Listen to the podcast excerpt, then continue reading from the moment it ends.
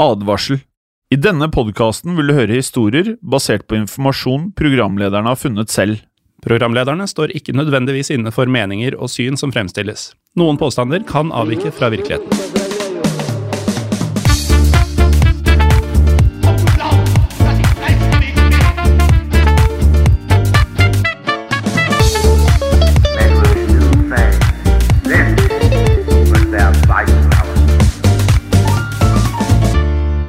Og velkommen til Historiepodden andre verdenskrig. Mitt navn er eh, som alltid Morten Galaasen. Og som alltid er mitt navn Jim Fosheim. Jim Fosheim, du eh, har nyheter angående ratinger, du. På, Det har jeg. på Spotify. Det har jeg. Vi har akkurat tatt i en annen podkast som heter Vanlig historiepodden. Mm -hmm. Ja, Så- Den heter jo ikke det, da. Den heter Historiepodden, bare.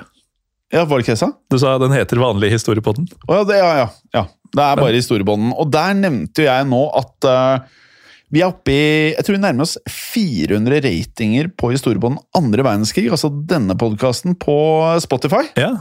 Og det som er interessant med det, er jo at eh, ratinger der bare har eksistert i ja, noen uker, så vidt jeg vet. Det Ja, dukka liksom plutselig bare opp. Ja.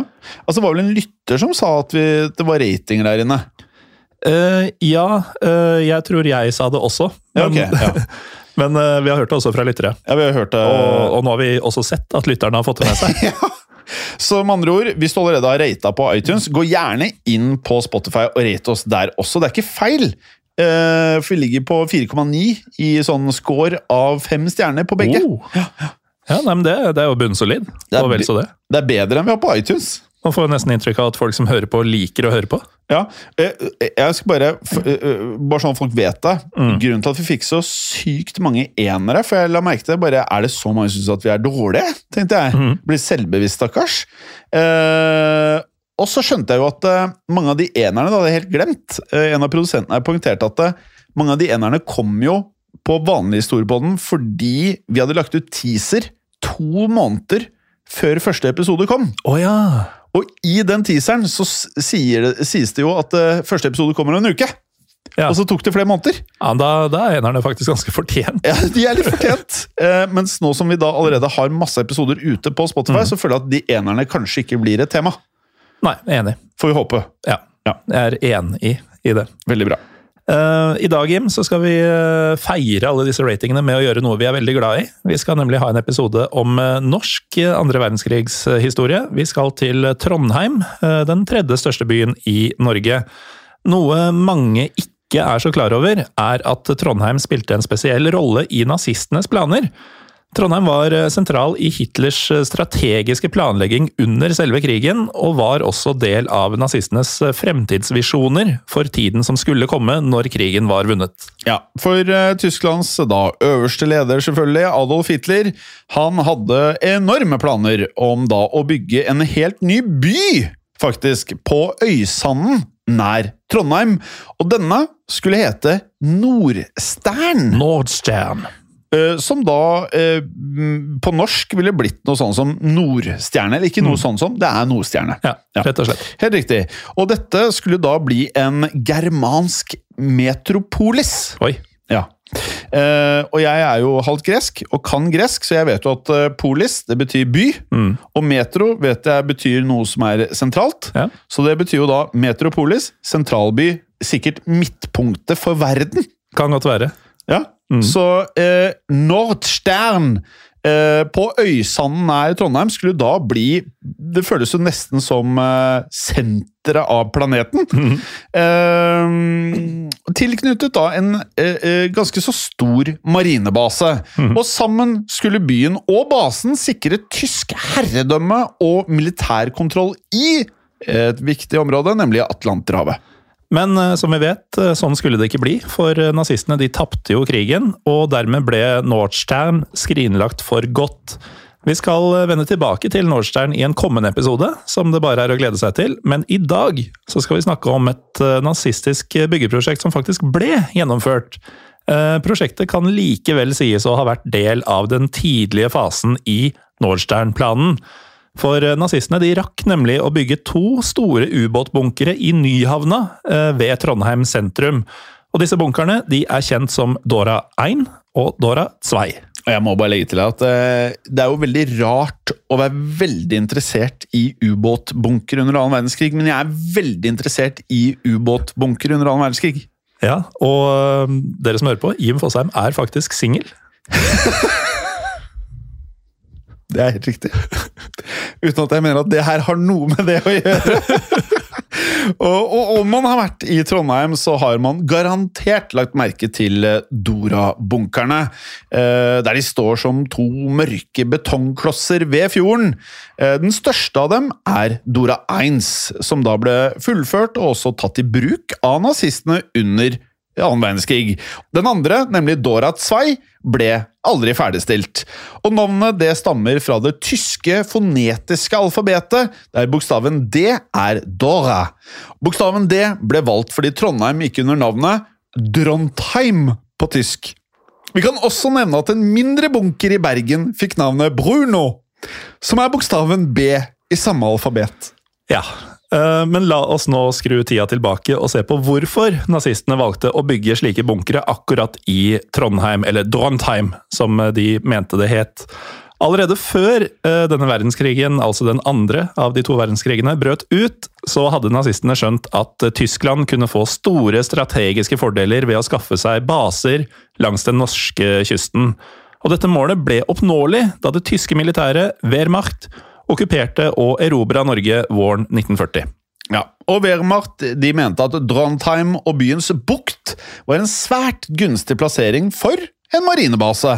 Så da ved å bygge en base i Drontheim, så fikk man da god kontroll over Atlanterhavet og Nordishavet. Og herfra så kunne da tyskerne angripe allierte sjøkonvoier i rute mot Storbritannia eller Sovjetunionen.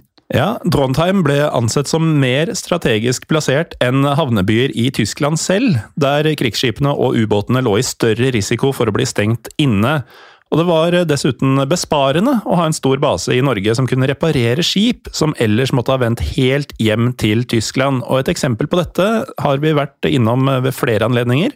Eh, Det var slagskipet Tirpitz, som kontinuerlig måtte flyttes tilbake til Tyskland for ytterligere reparasjoner. Ja, Tirpitz ble ført eh, fra Tyskland til Trondheim i en hemmelig operasjon i november 1941. Og på grunn av eh, Tirpitz enorme størrelse, så var det rett og slett ingen andre nordlige dokker, altså havnebasseng, som var noe i nærheten av store nok til å romme Tirpitz. Samme år så godkjente Hitler et prosjekt om da å bygge en vanvittig stor marinebase i Drontheim. Og da ble prosjektet som lå an til å bli Nord-Europas eh, største marinebase, faktisk, det visste jeg heller ikke før denne episoden her, eh, den ble offisielt påbegynt. Men eh, Drontheims eh, plassering var ikke nok beskyttelse i seg selv, og det var ikke kun skip som skulle ha base her. Basen skulle også romme en flåte av ubåter, og det var derfor nødvendig med bedre beskyttelse for ubåter mot luftangrep, og et program for bygging av bunkere ble satt i gang. Dette var da i praksis massive lagerhaller i betong som kunne romme store marinefartøy. Den første bunkeren i eh, byggeprosjektet var Doha 1. Byggetomten var da en del av eh, det eksisterende havneanlegget i Trondheim, og det lå fra før av en flytedokk og et verksted i området. Noe tidligere på våren 1941 hadde Trondheim havnevesen fått beskjed fra tyske okkupanter eh, om å da forlate Nyhavna innen en måned. Da ble det startet utbygging av et verft for reparasjoner og også overhaling av marinefartøyer. Høsten 1941 ble også arbeidet med bunkeren satt i gang. Og dette arbeidet ble utført i et rasende tempo av Organisation Tott, som hadde ansvaret for bygginga. Og eh, Organisasjon TOT, forkorta OT, var en statlig halvmilitær organisasjon som drev bygg- og anleggsvirksomhet for nazistene. OT var oppkalt etter grunnleggeren, Fritz Tott, som var en høytstående nazist, og byggeprosjektene til OT pågikk både i Tyskland og i de tyskokkuperte områdene under krigen, og mest berykta var bygginga av tallrike konsentrasjonsleirer. OT var hovedsakelig basert på slavearbeid, der krigsfanger måtte gjøre tungt kroppsarbeid under farlige arbeidsforhold, uten, eh, og dette har vi også vært gjennom i flere episoder, dessverre, uten særlig mat eller hvile. Mm. Og I Trondheim så ble arbeidet med Dora ledet av en innsatsstab innen OT, som hadde sitt hovedkvarter i nettopp tinghuset. Og til å hjelpe seg leide de inn en rekke internasjonale og også lokale underentreprenører, samt utskrevet arbeidskraft fra flere av de okkuperte landene, blant annet Polen, Tsjekkoslovakia, Nederland og også Danmark. Og de fleste av disse ble innkvartert i store leire på Bromstad og Strindheim. Og Dora-bunkeren ble også bygget av krigsfanger fra Serbia. Minst én ulykke under bygginga er blitt registrert og bevart for ettertida. I forbindelse med arbeidet så skal fem serbere ha blitt drept da en betongvegg raste sammen og falt over dem. Eh, Da regna de tyske ingeniørene på hvor mye disse fem likene ville svekke konstruksjonen, og konkluderte med at det ikke ville ha noen betydning. Det er ganske nazistisk å, å, å, å, å sitte og telle på om likene utgjorde en svekkelse av det de bygde. Ja, Ikke om det var riktig å fjerne likene. Det er en iskald måte å beregne ting på som bare nazistene kunne drive med, føler jeg. Det er kaldt. Det er kaldt. Eh, likevel så ble likene fjerna. Eh, rykter om hendelsen skal imidlertid ha utvikla seg til en myte om at tyskerne lot likene bli en del av bygningsmassen under oppføringa. Ja, eh, og arbeidet med Dora fortsatte i 42 og 43 til tross for at svært kompliserte grunnforhold med både leire og gjørme forsinket arbeidet. Men så, på sommeren 1943 ble Dora 1 overlevert til den tyske marine og også tatt i bruk. Når vi er tilbake, skal vi se nærmere på hvor stor denne bunkeren var, og se på hva som skjedde da de allierte bestemte seg for å bombe anlegget. Men først, Morten, en kort pause. Velkommen tilbake. Før pausen hørte vi at den tyske okkupasjonsmakten bygget en ubåtbunker i Nyhavna i Drontheim, som fikk navnet Dora 1. Og la oss nå se litt på dimensjonene, Morten. For denne eh, bunkerkonstruksjonen var ikke hva som helst. Nei. Eh, taket ble bygget av betong, og det har vi jo nå lært i historien på den andre verdenskrig. Nazistene var veldig glad i betong. Ja, de var eh, veldig glad i betong. Ekstremt glad i betong, og um, denne betongen den var hele 3,5 meter eh, tykk. Altså, taket er 3,5 meter tjukt. Ja, Da, da blir det jo mye materiale. det er nesten deg ganger to. Det er ganske mye, ja. Eh, og for å være på den sikre siden, så var dette solide taket også armert med stål. Det vet vi også at nazistene var veldig glad i. Og veggene var også av betong, selvfølgelig, og disse var tre meter tykke, altså halvannen Morten Galaasen. Og når det gjelder eh, flatemålet på bunkeren, så snakker vi 153 meter ganger 105 meter, som da i sum blir 16 000 kvadratmeter. Og det, Jim, tilsvarer ca. to og en kvart eh, fotballbane. Det er meget. Det er meget. eh, Og alt dette da bygget inn, som du sa, i flere meter med betong. Ja. Og det var også skytterganger og mindre bunkere rundt omkring i bygget. Eh, Denne bunkeren hadde visstnok da plass til åtte ubåter og rundt, hør på dette, 200 000 soldater. Og den kunne hermetisk lukkes, eh, akkurat som en festning, eh, dersom de allierte skulle angripe. Altså, hvordan er dette her ikke interessant? Vet. Er ikke dette helt sykt? Altså, Alle burde vært interessert i at dette her har skjedd, og det kan skje igjen. Ja. Ja, altså Dette her er så interessant det kan få blitt. Mens Dora 1 ble bygget, så startet tyskerne på arbeidet med Dora 2. Og det ble brukt enorme mengder med, som vi vet, betong i disse to ubåtbunkerne. Og det er beregnet at man kunne eh, betonglegge hele E6 mellom Trondheim og Oslo ved å bruke den samme betongmassen. Og da er det jo, som vi sa, det er en viss mengde betong som tas i bruk av nazistene her. Ja, det er mye betong, og det er anslått at den samlede mengden betong kan ha vært 365 000 kubikkmeter. Og dette, folkens, tilsvarer 146 olympiske svømmebasseng! Ja, så her snakker vi proporsjoner, altså. Det er helt vanvittig. Ja, og det ble for øvrig bygget tilsvarende anlegg flere steder, bl.a. blant annet i La Palisse på vestkysten av Frankrike. Anlegget der tjente ubåtene som opererte lenger sør i Atlanterhavet og vest for de britiske øyer. Den tyske marinen, eh, Morten, altså Krigsmarine, de brukte Dora i Drontheim som base for en ubåtstyrke fra og med 20. juni 1943. Kun én måned senere, altså 24. juli 1943, ble anlegget bombet av eh, amerikanske bombefly. Dette var ifølge de kildene vi har brukt, den eneste gangen Trondheim ble bombet under annen verdenskrig. Og i dette angrepet så døde 31 tyskere, hvorav 12 var sivile. Åtte norske sivile ble også drept, og av disse åtte norske sivile så var fire kvinner. To av disse fire kvinnene de arbeida i OT-leiren på Bromstad, mens ingen av arbeiderne på Dora-anlegget ble drept. Både krigsfanger og norske arbeidere ble jaget inn i Dora 1 av tyskerne, og de fikk dermed en slags eh, ja, skueplass, altså utkikkspost, for å se på ødeleggelsene fra flyangrepet. Eh, bunkeren selv, altså Dora 1, den eh, slapp unna uten særlige skader. Ja, og etter sigende så ble 46 bomber sluppet fra flyene. Trondheim Gassverk i Stiklestadveien ble nesten ødelagt. Det var også dødelige ettervirkninger av angrepet. For i april 1944 gikk et stort leireras i Ladalen, og raset var sannsynligvis forårsaket av at en bombe ødela vannledningen året tidligere. To kvinner omkom i dette raset, og dermed var det nemlig ti sivile nordmenn som var blitt drept etter bombetoktet i 1943.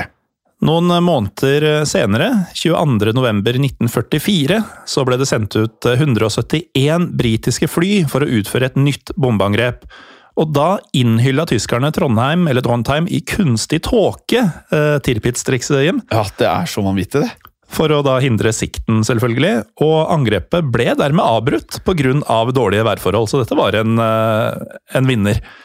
Ehm, dersom den store bombelasten var blitt sluppet over byen, så kunne jo det fått uante konsekvenser. og på sett og vis så kan man jo da faktisk nesten takke tyskerne for at eh, Trondheim ikke led en eh, enda mørkere skjebne i dette bomberegnet, som da ikke ble noe av. Ja. Uh, ja, vi skal ikke takke nazistene for noe som helst, men uh, den handlingen gjorde at uh, byen ble mindre bomba. Ja. ja.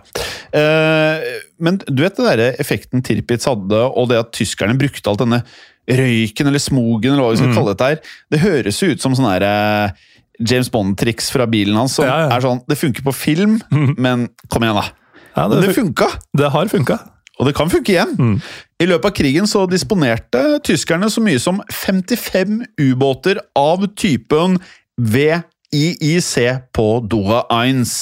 Og ubåtene de seilte i alt 141 ulike tokt, og skulle bl.a. beskytte transportene av jernmalm, lite overraskende, mm. fra Narvik. Eh, og marinefartøy med base i Trondheim var gjentatte ganger i kamp med allierte skip eh, rett utenfor norskekysten og også i Nord-Atlanteren. Ja, og som vi har nevnt, så begynte tyskerne også å bygge en bunker til, altså Dora 2, som del av dette marineanlegget. Men eh, tyskerne rakk ikke å bygge Dora 2 ferdig før krigen var tapt. Og Dora 2 var tenkt å bli noe mindre faktisk enn Dora 1. Eh, målene var 51 meter ganger 31 meter, og bunkeren skulle kunne betjene seks eh, ubåter. Men i likhet med Dora 1 så ble arbeidet forsinka av vanskelige grunnforhold og tilgang på utstyr. Og ødeleggelser etter det allierte bombetoktet som faktisk ble noe av i 1943, det skapte også problemer. Det er riktig det, og da tyskerne måtte kapitulere i mai 1945, ble bunkeren stående igjen eh, litt over halvferdig. Og etter krigen så ble det diskutert eh, hva man skulle gjøre med de to store betongklossene som tyskerne hadde etterlatt seg. Og det ble vel først, Morten, vurdert å sprenge disse her. Men mm. man konkluderte etter hvert med at eh, byggene var for solide, som man kan forstå. Ja, det er vanskelig å tenke at dette skal bli en lett jobb å ødelegge. Ja, Og så tenkte jeg, du har bygd noe så solid at med all tid og ressurs eh, som man da faktisk har etter krigen eller eh, Etter krigen så var det jo ganske sparsommelig, da, men med tiden så har man hatt mye ressurser i et land som Norge. Og selv da så vurderer man dette her som for stort prosjekt Ja. å fjerne. Altså, de tyskerne bygde solide greier. Ja, Enormt solide. Ja, vanvittig. Um, uh, og det ville da kreve, som vi nå har forstått, så mangt med dynamitt å sprenge bunkerne at uh, det mest sannsynlig ville føre til skader altså på andre bygg i uh, Drontheim. Ja, og dermed så ble jo bunkerne stående. Så Doradsvei ble overlatt til eh, Trondheim havnevesen, som eide tomta som den sto på. Eh, Dora 1 ble først tatt i bruk av det norske forsvaret, men senere solgt til private aktører. Eh, Og Dora 2, som fremdeles eies av Trondheim havn, den brukes nå til verksteder og som småbåthavn. Og selv om bunkerne kanskje ikke har så høy estetisk verdi, så har de eh, kommet både Trondheim og det norske folk til gode. Ja, og Temperaturen i Dora 1 er eh, nemlig jevn året rundt, og luften har et stabilt nivå av fuktighet. Og Dette gjør bunkeren til et optimalt sted for å lagre historiske tekster og annet materiale. Så Dora 1 inneholder i dag blant annet Statsarkivet, Byarkivet og internkommunalt arkiv. Det er til og med en bowlinghall i Dora 1 i dag. Ja, og i dag er eh, Dora 1 og Dora 2 viktige krigsminner, og er vel verdt et besøk om man er innom eh, Trondheim. Dora 2 er midlertidig vernet, og den kan i fremtiden bli del av byutviklingsplanen for Nyhavna i Trondheim. Nå skal vi gi oss eh, for i dag, Jim, men vi eh, nevnte så vidt tidligere at vi kommer til å vende tilbake til Trondheim i en kommende episode om Nordstern. Denne planlagte metropolisen, germanske metropolisen eh, nær Trondheim. Så det er bare å følge med videre i historie på den andre verdenskrig. Du, jeg må bare si eh, Dette er topp ti episoder så langt for meg. Er det det?